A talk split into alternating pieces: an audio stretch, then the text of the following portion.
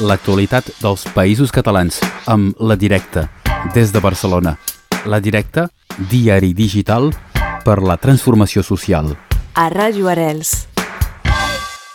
Descobrim avui el format paper de La Directa. Ho farem amb la Gemma Garcia. Bon dia. Bon dia. És el número 527 de La Directa que anem descobrint. Veiem, explica'ns quin és el tema de portada. Doncs el tema de portada directa és el projecte d'ampliació de l'aeroport de Barcelona, l'aeroport del Prat, que es troba enmig del delta del Llobregat, una zona d'un valor mediambiental molt important, un ecosistema molt rellevant, i posem el focus en aquest projecte d'ampliació perquè últimament està en primera plana i realment hi ha molts col·lectius, moltes plataformes que s'hi oposen frontalment, però també hi ha un lobby econòmic i empresarial que està fent una campanya molt important perquè es dugui a terme aquesta ampliació de l'aeroport del Prat.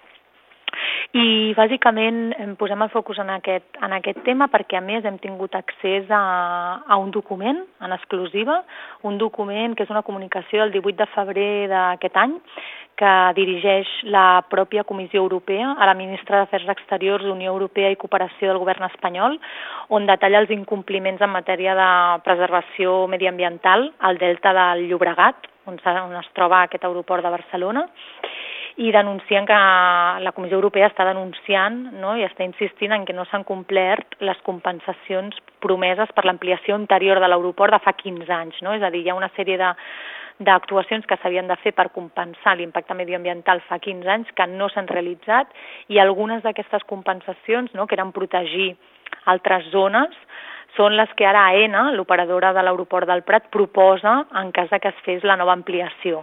Per tant, una mica la conclusió que traiem d'aquest reportatge és que és una ampliació, un projecte realment ple d'irregularitats, inviable i insostenible. Veureu que posem el focus també en totes les aus i tota la, la fauna que s'ha extingit a causa d'aquesta infraestructura de l'aeroport, també com aquesta infraestructura contradiu a l'acord de París, no? els compromisos eh, de lluita contra el canvi climàtic, i també trobareu una doble pàgina en clau de lluites amb un recull de mobilitzacions que hi ha hagut arreu del món per impedir ampliacions d'aeroports o projectes i destaquem precisament un cas de l'estat francès, que és el cas de Notre-Dame-de-Land.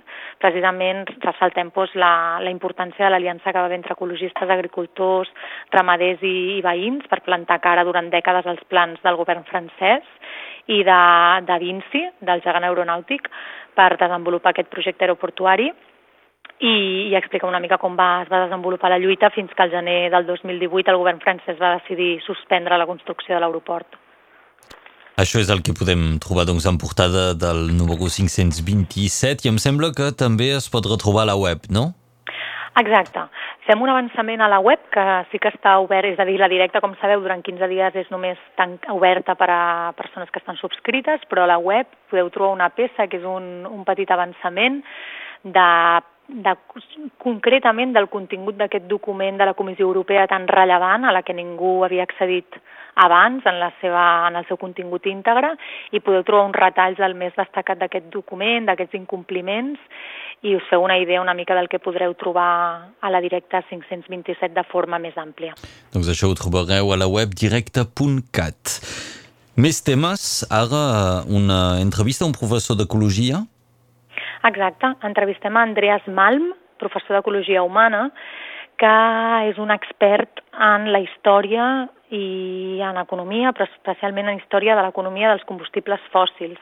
Per tant, ha treballat tot el que té a veure amb relacions de poder en la crisi climàtica actual i aquesta entrevista doncs, reflexiona sobre aquests combustibles fòssils que precisament són, són clau no? en aquest projecte d'ampliació de l'aeroport del Prat, perquè el projecte d'ampliació suposaria un increment del 33% de, la, de les emissions de CO2, no? perquè els avions van amb combustibles fòssils, encara que es parli ara d'hidrogen, i per tant és una entrevista que complementa una mica la fons i fa, fa aquestes reflexions entorn al, al combustible, al peak oil i també s'endinsa en les estratègies del moviment climàtic.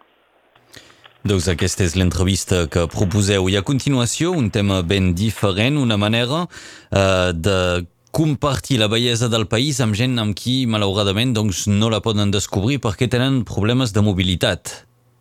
Exacte, em, potser no hi pensem massa, em, o molta gent no hi pensa massa, però hi ha moltes persones amb mobilitat reduïda que no poden gaudir no, dels paisatges i de la muntanya si no, si no són acompanyats no, d'alguna manera o no reben algun suport.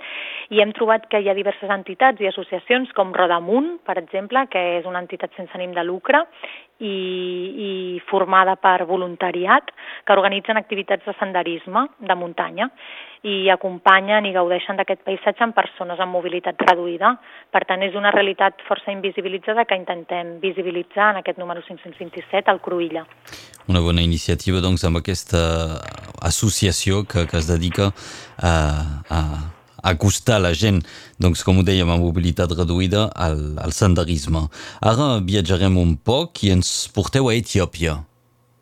Us portem a Etiòpia, concretament a la regió de Tigre, amb un reportatge de Nacho Ibáñez que està explicant doncs, com les organitzacions de drets humans alerten, denuncien crims de guerra i fam que estan de contra la població per part de diferents actors armats que a més s'està impedint l'arribada fins i tot d'assistència humanitària.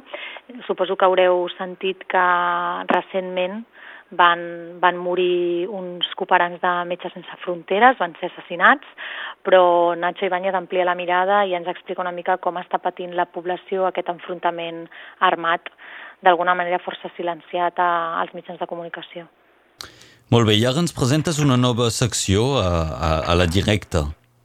Bueno, no és una nova secció, és una nova secció pel, pel repàs que fem normalment, que no, no ho diem mai, però a la directa en paper tenim una, una secció de ressenyes i mai les comentem i avui dic, bueno, doncs farem esment a aquesta secció de ressenyes on, podem, on podeu trobar doncs, ressenyes de llibres, ressenyes de documentals, fins i tot ressenyes de sèries i en aquest número 527 doncs, trobeu una ressenya d'un llibre que es diu El setembre i la nit, que és un llibre de Maica Rafeques, però també trobareu una ressenya d'un altre llibre, que és Josep, que és la, la història de Josep Bartolí, que precisament va estar, va estar exiliat, va travessar la frontera per exiliar-se a l'estat francès i va estar en camps de concentració. I s'ha fet una pel·lícula, però també s'ha fet un llibre, trobareu aquesta ressenya, i finalment una altra ressenya sobre com el neoliberalisme impacta en, en, en l'educació, un llibre que es diu El menosprecio del conocimiento, el menyspreu del coneixement, de diferents autors experts en la matèria educativa. Bé, doncs un espai que potser no havíem comentat fins ara, però que podeu retrobar també a la directa, l'espai de ressenyes. Destaquem ara una altra entrevista i que té a veure també amb eh, actualitat que ha pogut passar a l'estat francès amb el tema de les armies grogues. Exacte, entrevistem a Priscília Ludowski, activista del moviment Armilles Grogues, i havíem entrevistat algun activista d'aquest moviment. Ho tornem a fer en aquest cas també perquè eh, aquesta, aquesta activista ha publicat aquest llibre que es diu Ensemble nous demandons justice i ens explica una mica doncs, en què va consistir aquesta, aquesta lluita de les armilles grogues i posa una mica l'accent en la importància que per assolir victòries les lluites han d'estar connectades. Mhm. Una entrevista també doncs, eh, amb la temàtica de les armies grogues i eh, doncs, eh, tornem aquí a, a Catalunya Nord, ho farem amb l'espai Columna, un espai d'opinió que justament és firmat per algú d'aquí Catalunya Nord. Exacte, sempre ens agrada recordar que tenim diferents columnistes que col·laboren amb la directa cada setmana i una d'elles és Estela Rodríguez des de Catalunya Nord que ha fet una columna molt interessant amb reflexions eh, molt interessants que us recomaneu, que us recomanem, que és una columna que es diu Perpinyà, primera línia de la resistència antifeixista, i reflexiona sobre aquest any d'extrema dreta a, a, a l'Ajuntament de Perpinyà, des que les darreres eleccions municipals va pujar al poder aquesta extrema dreta, i per tant en un context d'auge d'extrema dreta, fa reflexions de com no s'han de deixar passar els microfeixismes, que ell anomena, no? que poden tenir persones del nostre voltant i com s'ha de lluitar i fer pedagogia i combatre aquest feixisme creixent. Mm -hmm. Doncs la columna de l'Estela Rodríguez és eh, una altra de les temàtiques que destacàvem per aquest uh, número de la directa 527 que ens presentava avui la Gemma Garcia. Moltes gràcies, Gemma. A vosaltres. L'actualitat dels països catalans amb La Directa, des de Barcelona. La Directa, diari digital per la transformació social. A Ràdio Arels.